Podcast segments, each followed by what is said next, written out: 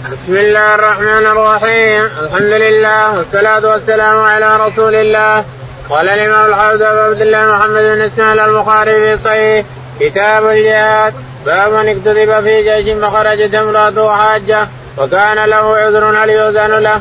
قال رحمه الله حدثنا قتيبة بن سعيد. قال حدثنا سفيان عن عمرو بن أبي معبد عن ابن عباس رضي الله عنهما أنه سمع النبي صلى الله عليه وسلم يقول لا يخلو أن رجل بامرأته ولا تصافر أن امرأة إلا ومعها محرم فقال رجل قال يا رسول الله اكتتبت في غزوة كذا وكذا وخرجت امرأتي حاجة قال ذهب جمع امرأتك. بسم الله الرحمن الرحيم الحمد لله رب العالمين صلى الله على نبينا محمد وعلى آله وصحبه أجمعين. يقول الإمام الحافظ أبو عبد الله البخاري رحمه الله في صحيحه ونحن لا نزال في الجهاد في سبيل الله. يقول رحمه الله باب من اكتتب في جيش فخرجت امراته كتب في الجيش جيش الإسلام يغزو في سبيل الله لكن امرأته خرجت حاجة. فهل يقدم الحج على حج امرأته تصير محرم لها على الجهاد في سبيل الله هكذا فعل الرسول عليه الصلاة والسلام. يقول البخاري رحمه الله حدثنا قتيبة بن سعيد. قتيبة قال حدثنا سفيان. سفيان قال حدثنا عمرو بن دينار. عمرو بن دينار قال عن أبي معبد. عن أبي معبد قال عن ابن عباس رضي الله عن عنه ابن عباس رضي الله تعالى عنه أن النبي أن امرأنا أن أن رجلا أتى النبي عليه الصلاة والسلام فقال يا رسول الله إني كتبت في الغزو وإن امرأتي خرجت حاجة قال اخرج مع امرأتك لأنه لا يجوز للمرأة أن تسافر فوق ثلاثة يوما وليلة إلا ومعها محرم. ولا يخلون رجل بامرأة ولا تسافر امرأة إلا ومعها محرم سواء في حج أو في غير حج. ولا يسقط وقد لا وقد تسقط فريضتها لو حجت سقطت الفريضة لكن حرام. السفر حرام ولا الفريضة إذا حجت عاد وانتهت سقطت فريضتها نعم. باب الجاسوس. وقول الله تعالى لا تتخذوا عدوي وعدوكم أولياء. التجسس والتبحث قال رحمه الله حدثنا علي بن عبد الله قال حدثنا سفيان قال حدثنا عمرو بن دينار. سمعته منه مرتين قال أخبرني حسن بن محمد. قال أخبرني عبيد الله بن أبي رافع. قال سمعت علي رضي الله عنه يقول بعثني رسول الله صلى الله عليه وسلم والزبير والمقداد بن الأسود. قال انطلقوا حتى تأتون روضة خاص فإن فيها ضعينة وما كتاب فخذوا منها فخذوه منها. انطلقنا تعادى بنا خيلنا حتى انتهينا إلى الروضة. فإذا نحن بالزعينة فقلنا أخرج الكتاب. فقالت ما معي من كتاب. فقلنا تخرجن الكتاب أو لنلقين الثياب. فأخرجت من عقاصها فأتينا به رسول الله صلى الله عليه وسلم. فإذا فيه من حاتم بن أبي بلتع رضي الله عنه إلى أناس من المشركين من أهل مكة يخبرهم ببعض أمر رسول الله صلى الله عليه وسلم. فقال رسول الله صلى الله عليه وسلم يا حاطب ما هذا؟ قال يا رسول الله لا تعجل علي. إني كنت امرأ ملصقا في قريش ولم أكن من أنفسها وكان معك وكان من معك من المهاجرين لهم قرابات بمكة يحمون باهلهم وأموالهم. فأحببت ان فاتني ذلك من النسب في ان اتخذ عندهم يدا يحمون بها قرابتي وما فعلت كفرا ولا ارتدادا ولا ردا بالكفر بعد الإسلام. فقال رسول الله صلى الله عليه وسلم لقد صدقكم. قال عمر يا رسول الله دعني أضرب عنق هذا المنافق. قال إنه قد شهد بدرا وما يدريك لعل الله يكون قد اطلع على آل بدر. فقال اعملوا ما شئتم فقد غفرت لكم. قال سفيان وأي إسناد هذا؟ يقول البخاري رحمه الله. حدثنا باب الجاسوس. باب الجاسوس.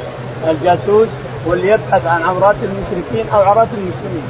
أما منا يرسله المسلمون يتجسس على عورات المشركين وجيوشهم وكثرتهم وقلتهم أو من المشركين يأتينا جاسوس يبحث عن عن المسلمين وعن قوتهم وكثرتهم الجاسوس العين هو الذي يذهب يخبر يختبر الناس. إن كان من المسلمين فهو يختبر المشركين قلتهم وكثرتهم وقوتهم وغيره أرسل الرسول عليه الصلاة والسلام عباد بن بشر رضي الله تعالى عنه وآخر معه مهاجري أرسلهم عين وكان يصلي عليه الصلاة والسلام تحتهم في الجبل وطلعوا الجبل هو يصلي بالتحية بالجوش يصلي بالجيش عليه السلام منفردا وحده. فخرج عباد بن بشر رضي الله عنه وآخر مهاجر ما ادري أبو موسى الأشعري أو غيره. الشاهد أنهم رأوه. المشركون اللي يريد الرسول يغزو عليهم راوا الشخص. فوق فوق العتاء فوق الجبل. فضربه واحد منهم بسهم. فضرب السهم وقع في كتف عباد بن بشر رضي الله عنه صار يصب الدم وهو يصلي. ثم بعد ذلك رماه بالثاني. فضربه أيضا بكتفه وصار الدم يصب من هنا ومن هنا. وأبو موسى نيم نايم. لأنه خير خيره. تنام أول الليل وأنا أنام آخره. أو أنت اخره وأنا أوله. فاختار عباد أول الليل. الشاهد أنه لما قام لما انتهى من صلاته أيقظ الذي معه من المهاجرين الدماء قال كيف ما أيقظتني؟ قال أنا أصلي فلا أريد أن انقطع صلاتي. ثم ذهبوا للرسول وأخبروه فتفل على تفل على جرحه جرح عباد بن بشر رضي الله عنه. العيون يرسلها قائد الجيوش المسلمة على الكفار تنتبه الكفار الكافر اللي رمى بشار عباد بن بشر نام قال ما دام رميته بشهمين لابد إنه خلاص راح يموت. ونام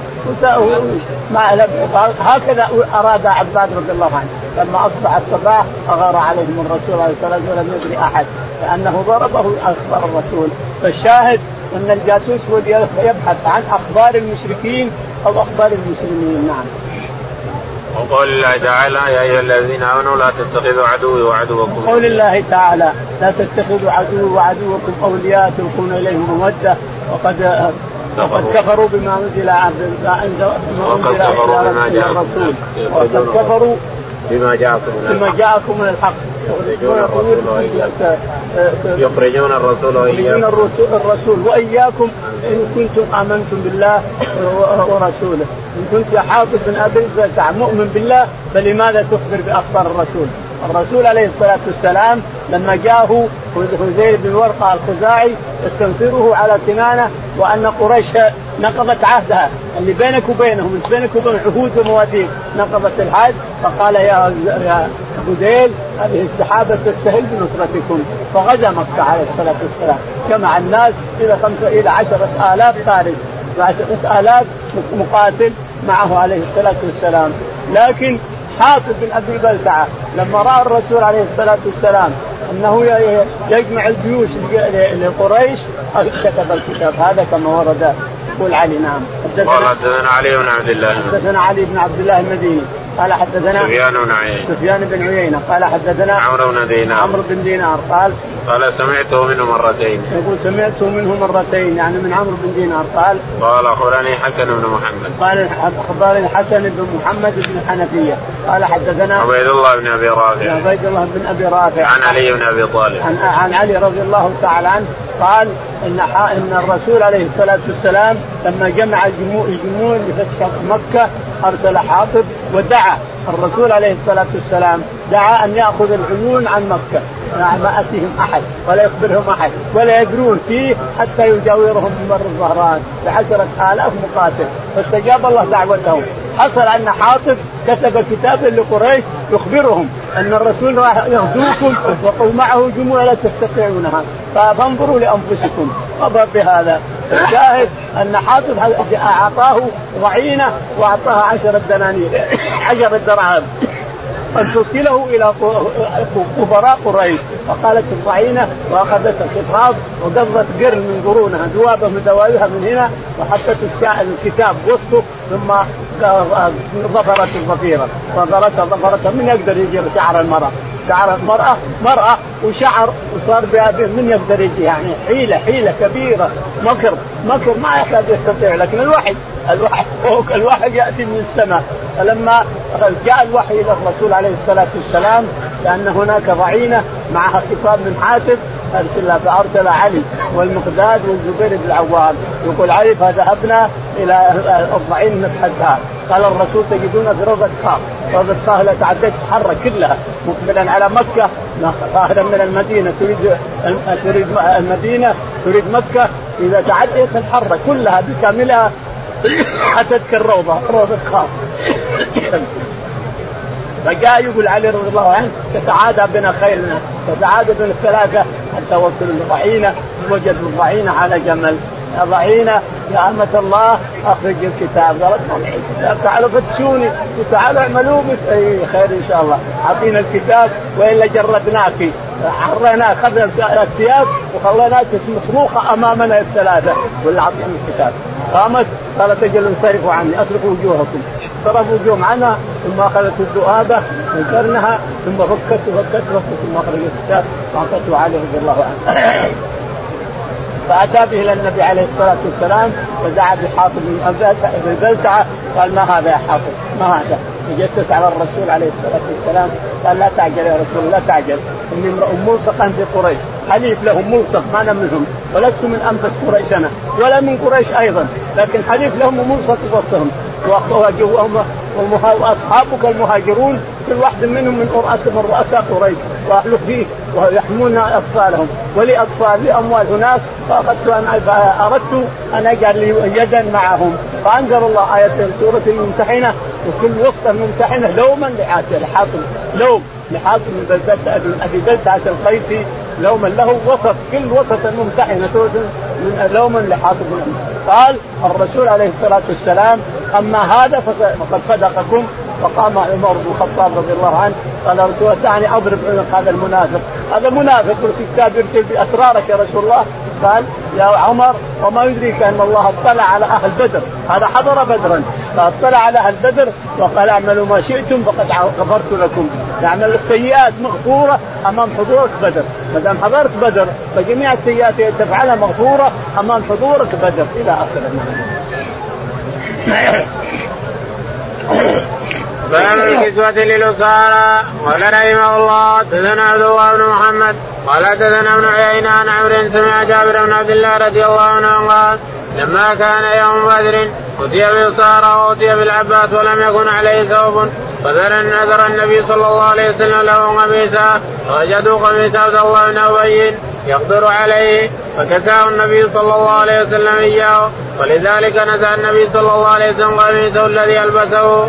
قال ابن عيينه كانت له عند النبي صلى الله عليه وسلم يد فأحب أن يكافئه. يقول البخاري رحمه الله حدثنا باب الكسوة للأسارة. باب الكسوة للأسارة، الأسارة يكسون إذا كان ما عليه ثوب يعطى ثوب أيام ما يخلى عريان، يقول رحمه الله حدثنا عبد الله بن محمد. عبد الله بن محمد قال حدثنا ابن عيينة. ابن عيينة سفيان قال عن عمرو بن دينار. عن عمرو بن دينار عن جابر بن عبد عن جابر رضي الله تعالى عنه أن العباس رضي الله عنه اتي به يوم بدر مأسورا مأسورا مع مع المشركين. ف... ف... ولم يكن عليه ولم يكن عليه لباس ما عليه ثوب إلا هذا. فطلب الرسول عليه الصلاة والسلام ثوبا يسع العباس، العباس رضي الله عنه رجل طويل ومتين، طويل طول ومتين، فلم يجدوا ثوبا إلا ثوب عبد الله بن أبي رئيس المنافقين، فنزعه ابن أبي وأعطاه العباس وكساه اياه، لهذا الرسول عليه الصلاة والسلام نزع قميصه وليلي جلده. عندما مات عبد الله بن أبي نزعه البسه عبد الله بن أبي عند الموت. لا وهو ميت. مات. إن أدخله القبر ورفعه بين يديه كساه الثوب علشان له يد على كسى عمه عبد العباس بن عبد المطلب رضي الله عنه. فالأسارة إذا كان ما عليهم ثياب يشتونه. ما ما أسير بدون لباس. لازم تلبسوا ثياب نعم. ولازم تاكلوا. باب فضل من أسلم على يديه رجل. قال رحمه الله حدثنا قتيبة بن سعيد. قال حدثنا اخونا عبد الرحمن بن محمد بن عبد الله بن عبد الانقاري عن أبي حاتم قال أخبرني سال رضي الله عنه يعني ابن سعد قال قال النبي صلى الله عليه وسلم يوم خيبر لأوتين الراية غدا الرجل يفتح على يديه يحبه الله ورسوله ويحبه الله ورسوله. فبات الناس ليلة أيهم يعطى فغدوا كلهم يرجو فقال أين علي؟ فقيل اشتكي عينيه فبصق في عينيه ودعا له فبرك لم يكن به وجع. فأعطاه فقال أقاتلهم حتى يكونوا مثلنا. قال انبذ على رسلك حتى تنزل بساعتهم. ثم ادعهم إلى الإسلام وأخبرهم بما يجب عليهم. فوالله لا يهدي الله بك رجلا خير لك من أن يكون لك حمر النعم. يقول البخاري رحمه الله باب فضل من أسلم على يديه فضل من أسلم على يديه رجل أو امرأة. فضل من أسلم على يديه رجل أو امرأة. حتى المرأة. يعني يهدي الله بك رجلا واحدا.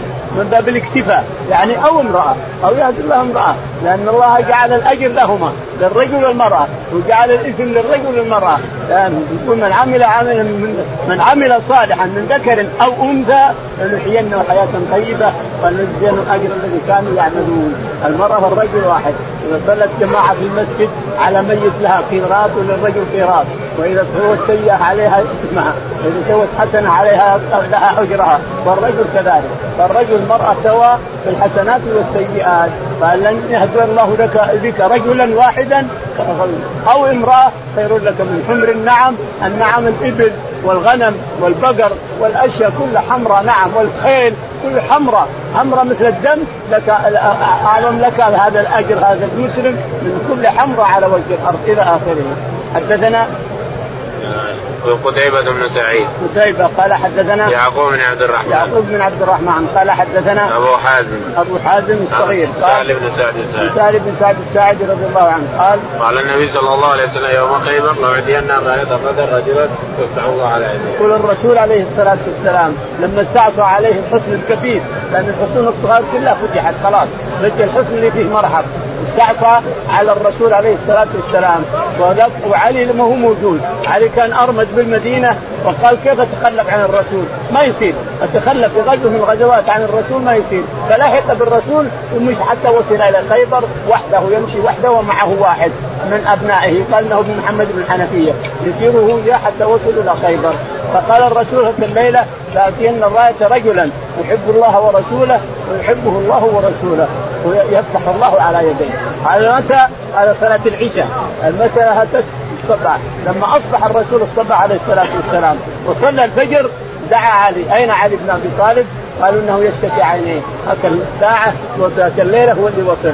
فاتي به يقوده اللي كان يقوده في السفر. فأتى به فبصق في عينيه فبرأ كان لم يكن به وجع. راح الألم كله ولا عاد رمد حتى مات رضي الله عنه وأرضاه. ما أوجس عينيه حتى مات. ولما اخذ قال خذ الراية. فأخذ الراية وذهب بها وقال علامة. قال على يقول ان يشهد أن لا إله إلا الله وأن محمدا رسول الله. ويعطي المغانم ويعطي الخبز قال فوالله لأن يهدي الله بك رجلا واحدا خير لك من حمر النعم. كل حمراء من النعم على وجه الأرض خير لك هداية رجل واحد أو امرأة واحدة. فذهب علي رضي الله عنه إلى الحصن الذي استعصى على الرسول عليه الصلاة والسلام. وخرج خرج مرحب من الباب الحصن وتبارز الاثنين فقتل علي مرحب. ولما قتل قتل سيدهم أو بطلهم قفلوا الباب. ويقول أبو موسى الأشعري إنه مع الجيش اللي مع علي أخذ الدرفه ورماها ودخل الحصن بالقوة وأخرج جميع ما فيه من الأموال والأطفال والنساء وغيرها كله. أخرج إلى الرسول عليه الصلاة والسلام وبيت الحصن خراب إلى حد إلى قريب. بعد ذلك عاد الرسول عليه الصلاة والسلام قسم الأموال خيبر ورجع من خيبر نعم. باب الأسارى في السلاسل قال رحمه الله حدثنا محمد بن بشار قال حدثنا غندر قال حدثنا شعبة عن محمد بن زياد عن أبي هريرة رضي الله عنه عن النبي صلى الله عليه وسلم عجب الله من قوم يدخلون الجنة في السلاسل. يقول البخاري رحمه الله باب الاسارى يدخلون الجنة بالسلاسل لاحظ يؤسر وهو كافر ثم يسلم يدخل الجنة خلاص يؤسر ويربط بالسلسلة ويرسل الثاني يربطون بسلاسل ثم يسلمون يدخلون الجنة. حدثنا محمد بن بشار. محمد بن بشار. قال حدثنا محمد بن جعفر. محمد بن جعفر. قال حدثنا شعبة. شعبة. قال عن محمد بن زياد. عن محمد بن زياد. عن أبي هريرة. عن أبي هريرة رضي الله عنه أن النبي عليه الصلاة والسلام يقول عجب الله من قوم يدخلون الجنة بالسلاسل. هذا يؤسر ويربط وهذا يؤسر ويربط وهذا يؤسر ويربط. ويجمعون جميع بسلاسل لكن يسلمون. يأتيهم الله يلقي الله الإسلام على على قلوبهم. ثم يسلمون فيدخلون الجنة. عجب الله لأناس يدخلون الجنة بالسلاسل ما أول كافر وربط واخذ مده ثم أسلم. مثل أسامة. ثمامه بن أسامة الحنفي رضي الله عنه. ربط بالعمود عمود المسجد. ويوم ثلاثة أيام الرسول يروح يجي يصلي ويبقى يسمع قراءة القرآن ثم قال افلتوني قال قال الرسول أفلتوا ثمامه افلتوه ثم ذهب إلى حديقه واغتسل وجاء وشهد شهادة الحق. شهادة لا إله إلا الله وأشهد أن محمدا رسول الله. وقال الرسول عليه الصلاة والسلام قبل الناس لكن قال يا رسول الله إني أتيت معتمر ابي أذهب أعتمر ابى أعتمر. قال اعتمر. فجاء هنا وصار يلبي ويصيح بإسلامه وقريش مالك من الأرض. من النوم قالوا هذا رئيس بني حنيفة. من اللي باهلنا ذكرهم الله في القرآن. ناسا. أذلة على المؤمنين أعزة على الكافرين. لا يخافون لومة لائم بن حنيفة. ما حد يقدرهم. تركوه يطوف ويسعى راسه. قال والله ما يصلكم ولا حبة من اليمامة حتى يأذن بها الرسول عليه الصلاة والسلام. فشكوا إلى الرسول أن ثمامة منع الحق فكتب عليه أن أكتب لهم ما كنت ترسل لهم سابقا باب فضل من أسلم من أهل الكتابين. قال رحمه الله دثنا علي بن عبد الله قال دثنا سفيان بن عيينة قال دثنا حسن صالح بن حي أبو حسن قال سمعت الشعبي يقول حدثني أبو برده أنه سمع أباه رضي الله عنه عن النبي صلى الله عليه وسلم قال ثلاثة يؤتون أجرهم مرتين الرجل تكون له الأمة فيعلمها فيحسن تعليمها ويؤدبها فيحسن أدبها ثم يعتقها ويتزوجها فله أجران. ومؤمن أهل الكتاب الذي كان مؤمنا ثم آمن بالنبي صلى الله عليه وسلم فله أجران. والعبد الذي يؤدي حق الله وينسى لسيده ثم قال الشافعي واعطيتكها بغير شيء. وقد كان الرجل يرحل في أهون منها إلى المدينة. يقول البخاري رحمه الله باب باب فضل من أسلم من أهل الكتاب. فضل من أسلم من أهل الكتاب وأن له أجرين. من أسلم من اليهود وآمن بأنبيائه وآمن بالرسول له أجرين. يقول البخاري رحمه الله حدثنا علي بن عبد الله. علي بن عبد الله قال حدثنا سفيان بن عيينة. سفيان بن عيينة قال حدثنا صالح بن حي. صالح بن حي قال عن الشعبي. عن الشعبي قال حدثنا أبو بردة بن أبي موسى. أبو بردة بن أبي موسى. عن أبيه. عن أبيه أبو موسى الأشعري رضي الله عنه أن النبي عليه الصلاة والسلام قال ثلاثة لهم أجرهم مرتين الرجل مع عنده أمة يؤدبها ويحسن أدبها وبعد ذلك يعتقها ويتزوجها فله أجران. وأهل الكتاب من النصارى أو اليهود يؤمن بأنبيائهم ويؤمن بالرسول عليه الصلاة والسلام فله أجران. ورجل اطاع والعبد الذي يؤدي حق الله وحق أدى حق الله وأدى حق الناس فله أجران. اي ثلاثة.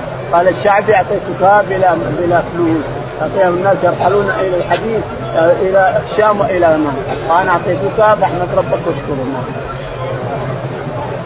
باب أهل الدار يبيتون ويصاب الولدان والزراري بياتا ليلا ليبيتنه ليلا يبيت ليلا. قال رحمه الله حدثنا علي بن عبد الله قال حدثنا سفيان قال حدثنا الزهري عن عبيد الله ابن عباس عن بن جسام رضي الله عنهم قال مر بي النبي صلى الله عليه وسلم بالأباء وبودان وسئل عن أهل عن أهل الدار يبيتون من المشركين ويصاب بالنساء وذراريهم قال هم منهم وسمعته يقول لا حمى إلا لله ولرسوله وعن الزهري أنه سمع عبيد الله عن ابن عباس قال حدثنا السالم في الزراري كان عمرو يحدثنا عن ابن شهاب عن النبي صلى الله عليه وسلم فسمعناه من الزهري قال أخبرني عبيد الله ابن عباس عن الصعب عن الصعب بن جسام قال هم منهم. ولم يقل كما قال عمرو هم من آبائهم. البخاري رحمه الله باب أهل الدار يبيتون. باب أهل الدار يبيتون وتؤخذ نساءهم واطفالهم وذراريهم لأنهم منهم. لأنهم من القوم من الكفار أولاد الكفار كفار. فنأخذهم سبي نأخذ الأطفال سبي نأخذ النساء سبي وياخذ المسلمون جميع ما على وجه الأرض من إبل وبقر وغنم ونساء وأطفال وغيرهم. الرجال يأخذونهم واللي يقاتل يقتل كل ما يقاتل يؤخذ سبي أيضا حتى الرجال. يقول البخاري رحمه الله حدثنا علي بن عبد الله. علي بن عبد الله. قال حدثنا سفيان بن عيينة. سفيان بن عيينة. قال حدثنا الزهري. الزهري. قال عن عبيد الله. عن عبيد الله بن عتبة. قال عن ابن عباس. عن ابن عباس رضي الله تعالى عنه عن الصعب بن جسامة. قال قال مر بي النبي صلى الله عليه وسلم بالأبواء وبودان. يقول مر بي النبي عليه الصلاة والسلام بياتا بالأبواء أو بودان ورأسه يقطر ينثر قمل. هو الشاهد من البيتوتة أنه مر بي بياتا وأنا بايت يقول رأسه ينثر قمل فقال الرسول احلق رأسك لعله آذاك هوام رأسك. قال نعم مرنا في الحج وسيأتينا. قال احلق راسه فحلق راسه يعني مر به بياتا وهو بايت نايم. فايد والبيتوتة كونك تبات الإنسان أو تبيت الناس. أما تبيتهم أو تبات أنت في مكان. البيتوتة عامة. نعم فقال وسئل وسئل عن أهل الدار يبيتون من المشركين فيساوي من النساء وذراريهم قال هم منهم. يقول سئل الرسول عليه الصلاة والسلام الحديث عن عن الصعب بن جسامه سئل الرسول عن أهل الدار يبيتون فيهم الذراري وفيهم النساء وفيهم قال هم منهم ذراري هم منهم إيش في هذا؟ ذراري الكفار منهم فيسبونهم المسلمون الذراري والنساء والأطفال وكل من يقاتل يقاتلهم اللي ما يقتل إلى اخره. وقال سعد بن جسام يقول لا حمى إلا لله ولرسوله. ثم قال السعد في حديث الرسول لا حمى إلا لله ورسوله. يعني الحمى ما يمكن يحمي أحد. الأرض الخضراء تحميها عن المسلمين لا يرعون فيها ما في حمى إلا لله ورسوله. ليش؟ لأن الرسول عليه الصلاة والسلام يحمي النقيع لأجل ابن الصدقة ويحمي الأرض للغنم لغنم المسلمين فلا يجي أحد من البوادي يدخل يقول برعه يقول لا هذه الصدقة هذه الإبل حقت المسلمين فإذا ما فإذا أتيت ورعيت إبلك وانتهى منين نجيب حنا؟ أنت تلقى في الأرض رحت في الأرض سحت في الأرض انت بعرينك أو غنمك تلقى عيش لكن إبل الصدقة ما يلقى فان نحميه لإبل الصدقة نعم. قال وعن الزهري أنه سمع عبيد الله. قال وعن الزهري أنه سمع عبيد الله عن ابن عباس عبيد الله عن ابن عباس عن الصامت بن جسامة. نعم. قال كان عمرو يحدثنا عن عن ابن شهاب عن النبي صلى الله عليه وسلم فسمعناه من الزهري قال اخبرني عبيد الله عن ابن عباس عن صاحبه قال هم منه. يقول إن كان ابن عباس يحدث عن الصعب بن جثامه أن اطفالهم هم منهم. قال هم منهم. الأولى هم قال حتى الأولى يقول هم منهم. قال في الأولى. هم منهم وفي الثانية هم من آبائهم. من آبائهم لكن الصحيح أنهم هم منهم. من آبائهم أو منهم كلها واحد. الشاهد أن الرسول عليه الصلاة والسلام قال هم منهم الأطفال والنساء وغيرهم هم منهم. من آبائهم أو منهم. نعم. باب قتل النساء في الحرب. قال رحمه الله حدثنا إسحاق بن إبراهيم. قال قلت لأبي أسامة حدثكم عبيد الله النافع عن ابن عمر رضي الله عنهما. قال وجدت امرأة مقتولة في بعد مغازي رسول الله صلى الله عليه وسلم. فنهى رسول الله صلى الله عليه وسلم عن قتل النساء والصبيان. يقول البخاري رحمه الله حدثنا باب قتل النساء باب قتل النساء في الغزوات. حدثنا اسحاق بن إبراهيم. اسحاق بن إبراهيم قال قال قلت لأبي أسامة حدثكم قلت لأبي أسامة حماد قال حدثكم عبيد الله عن نافع عن عبيد الله قال عن نافع عن ابن عن نافع عن ابن عمر أن أن امرأة وجدت مقتولة في أحد غزوات النبي عليه الصلاة والسلام فنهى قال نهى عن قتل النساء. النساء والاطفال خذهم سبي ليش تقتلها؟ خذها سبي احسن لك. جارية لك تفيد ولا حاجة إلى قتل المرأة. فنهى عليه الصلاة والسلام عن قتل النساء والأطفال وغيرها. خذها سبي أحسن لك من القتل. ليش تقتلها؟ ما لها ذنب ولا قاتلتك ما أخذت سلاح تقاتل ما لها حاجة إلى قتلها. خذها سبي. فنهى عن قتل النساء والأطفال عليه الصلاة والسلام. نعم. باب قتل الصبيان في الحرب. قال رحمه الله حدثنا أحمد بن يونس. قال أخبرنا الليث النافع أن عبد الله بن عمر أخبره. إن امرأة وجدت في بعد مقاصد النبي صلى الله عليه وسلم مقتولة فأنكر رسول الله صلى الله عليه وسلم قتل النساء والصبيان. يقول البخاري حدثنا باب قتل باب قتل النساء والصبيان يعني النهي عن قتل النساء والصبيان. حدثنا أحمد بن يونس. نعم. أحمد بن يونس. أحمد بن يونس. قال حدثنا الليث بن سعد. الليث بن سعد. عن نافع عن ابن عمر. عن نافع عن ابن عمر قال أن امرأة وجدت في بعض مغازي النبي صلى الله عليه وسلم. امرأة وجدت في بعض المغازي مقتولة فنهى الرسول كره هذا وحزن ونهى عليه الصلاة والسلام عن قتل النساء والصبيان. نهى ان تقتل المرأة والصبيان وغيرها. نعم. باب لا يعذب بعذاب الله. قال رحمه الله حدثنا قتيبة بن سعيد قال حدثنا الليث بن بكير عن سليمان بن يسار عن أبي هريرة رضي الله عنه أنه قال بعثنا رسول الله صلى الله عليه وسلم في بعث فقال وجدتم فلانا وفلانا فاحرقوهما بالنار. ثم قال رسول الله صلى الله عليه وسلم إن أردنا الخروج إني أمرتكم أن تحرقوا فلانا وفلانا وإن النار لا يعذب بها إلا الله وإن وجدتموهما فاقتلوهما. يقول البخاري رحمه الله باب النهي عن التعذيب بالنار الإحراق بالنار حدثنا قتيبة بن سعيد؟ قتيبة قال حدثنا الليث بن سعد. الليث بن سعد قال حدثنا بكير بن عبد الله. بكير قال عن سليمان بن يسار. سليمان بن يسار. عن أبي هريرة. عن أبي هريرة رضي الله تعالى عنه أن النبي عليه الصلاة والسلام أرسل ابو أبو هريرة وثلاثة معه يقتلون حطار وواحد معه من قريش لأنه نقص الجمل لزينب فأسقطت والشاهد أرسلهم وقال لهم إذا وجدتموهم أحرقوهم إذا وجدتموهم أحرقوهم. ثم لما يقول ذهبنا دعانا مرة ثانية وقال قلت لكم أحرقوهم وإنه لا يحرق بالنار إلا اللي يعذب بالنار لكن وجدتموه اقتلوهم من وجدت هبار واللي معه اقتلوهم قتلا ولا تحرقوهم فإنه لا يحرق بالنار إلا صاحب النار.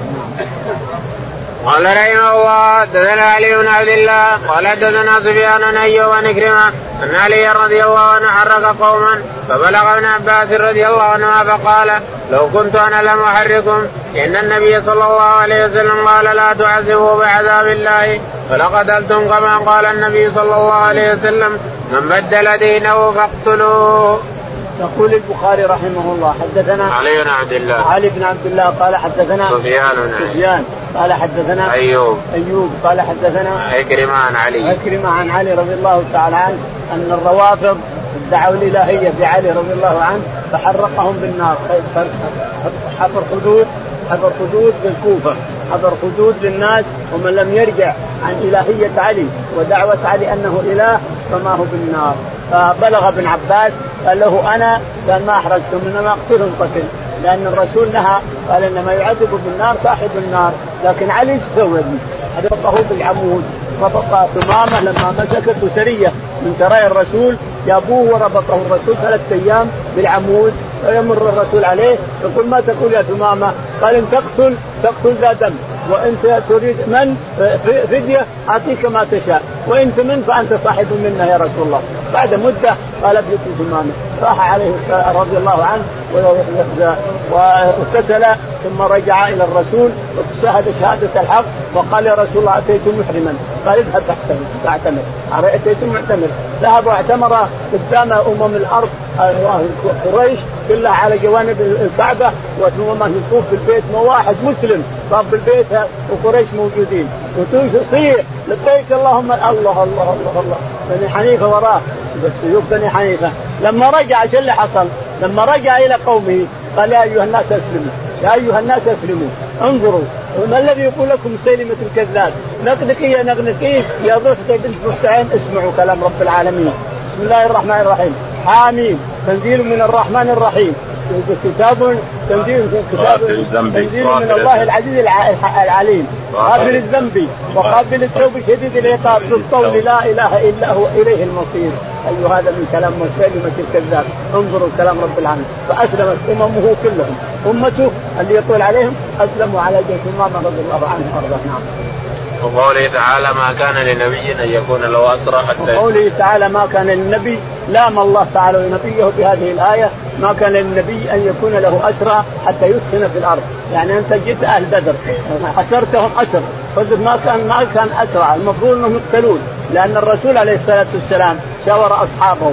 فابو بكر قال يا رسول الله اصهارنا وأرحامنا وما إلى ذلك نأخذ منهم الفدية، عمر قال يا رسول الله أعطي فلان ولده يقتله، وأعطي فلان أخوه يقتله، وأعطني أنا فلان أقتله، وأعطني فلان، كل يقتل من عنده من الأسرى يا رسول الله لا تأخذ فدية، هذا هو الوقعة وقعت خلينا ننكبهم، فعمر رضي الله عنه هو اللي نزلت هذه الآية وجاء عمر إلى الرسول عليه الصلاة والسلام وأبو بكر وهم يبكون. قال ما الذي يبكيكم؟ اخبروني أبكي معكم.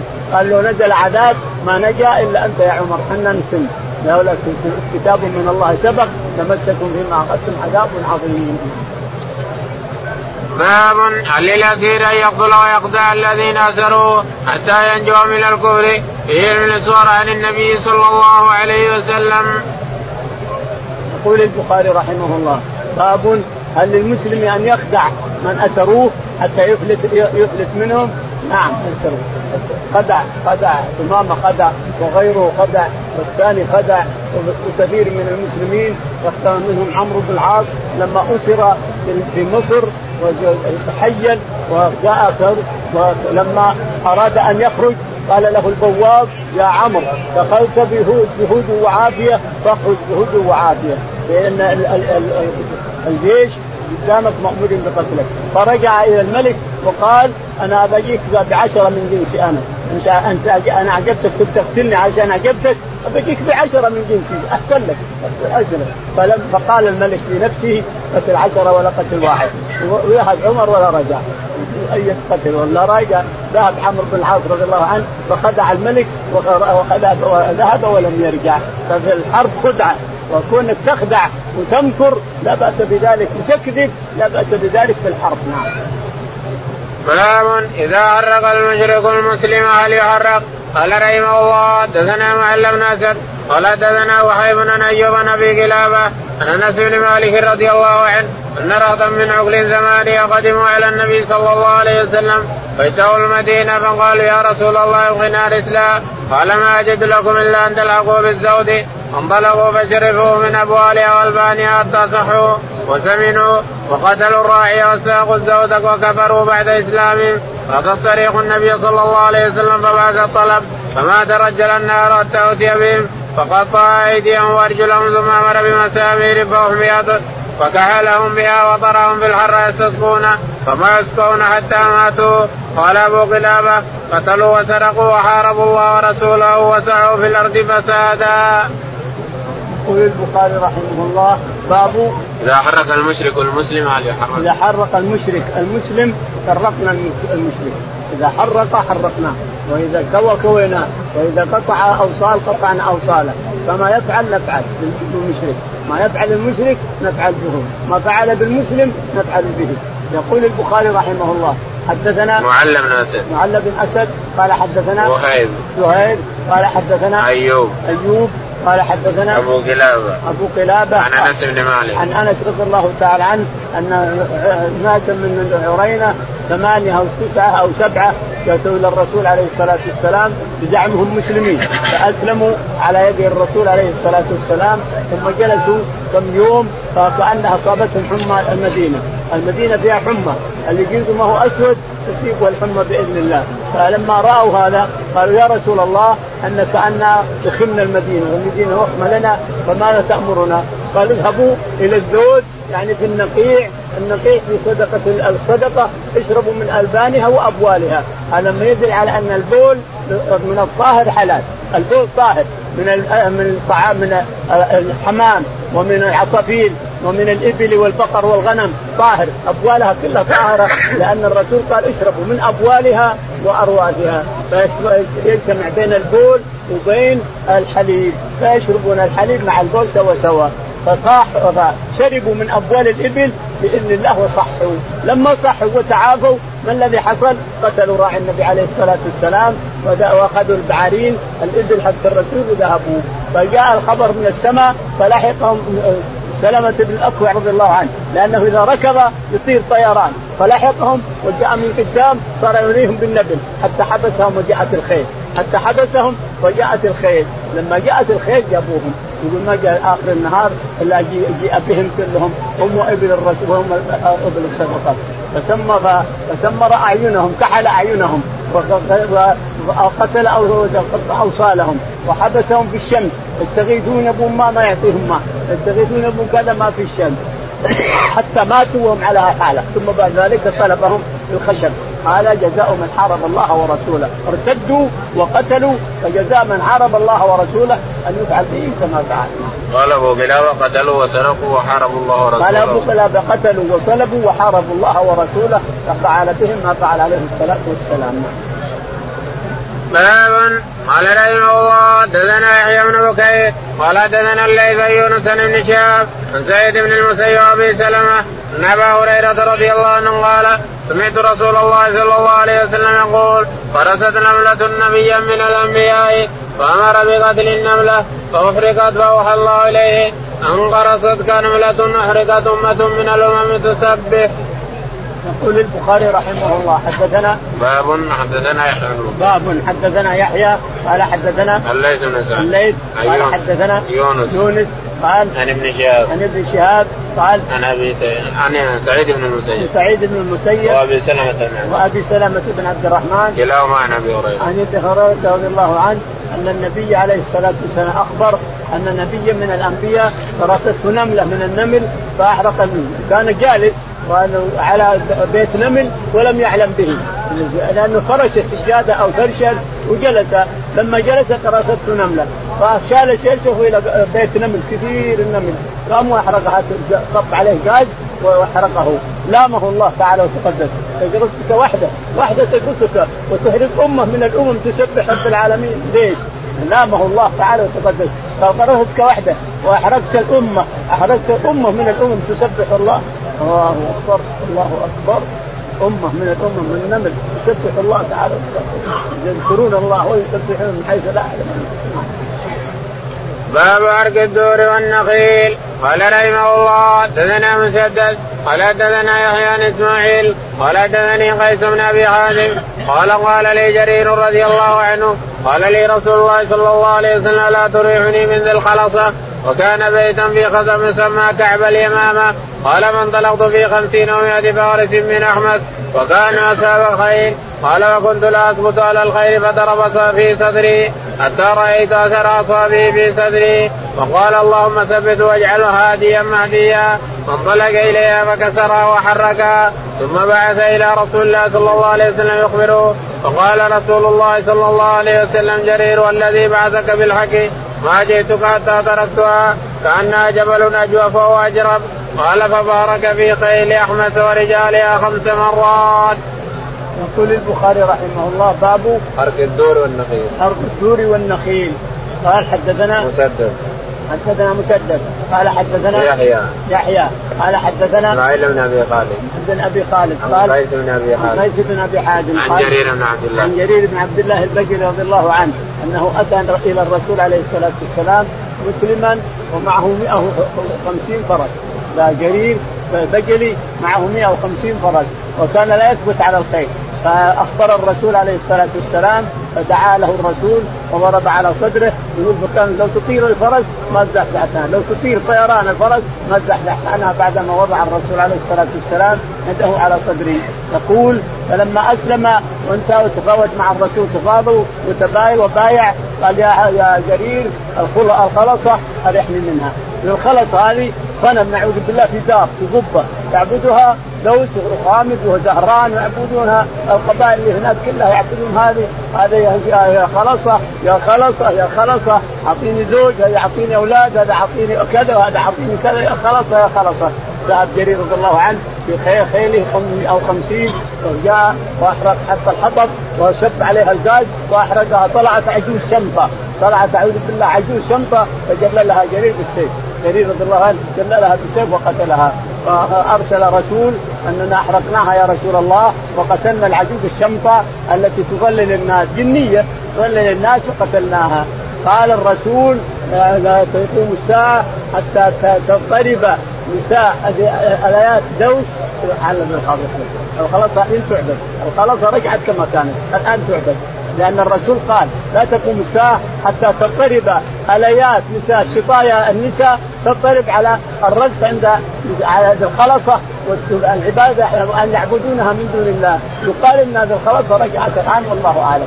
أن النساء كانت تضطرب الاياتها الآن عند ذي الخلصة ولا هدمت. هذا قرون من من زمن الرسول إلى قريب خرجت الآن وخرجت وعبدها الناس من دون الله لأنه علم من أعلام النبوة. الرسول أخبر أنها ستعود.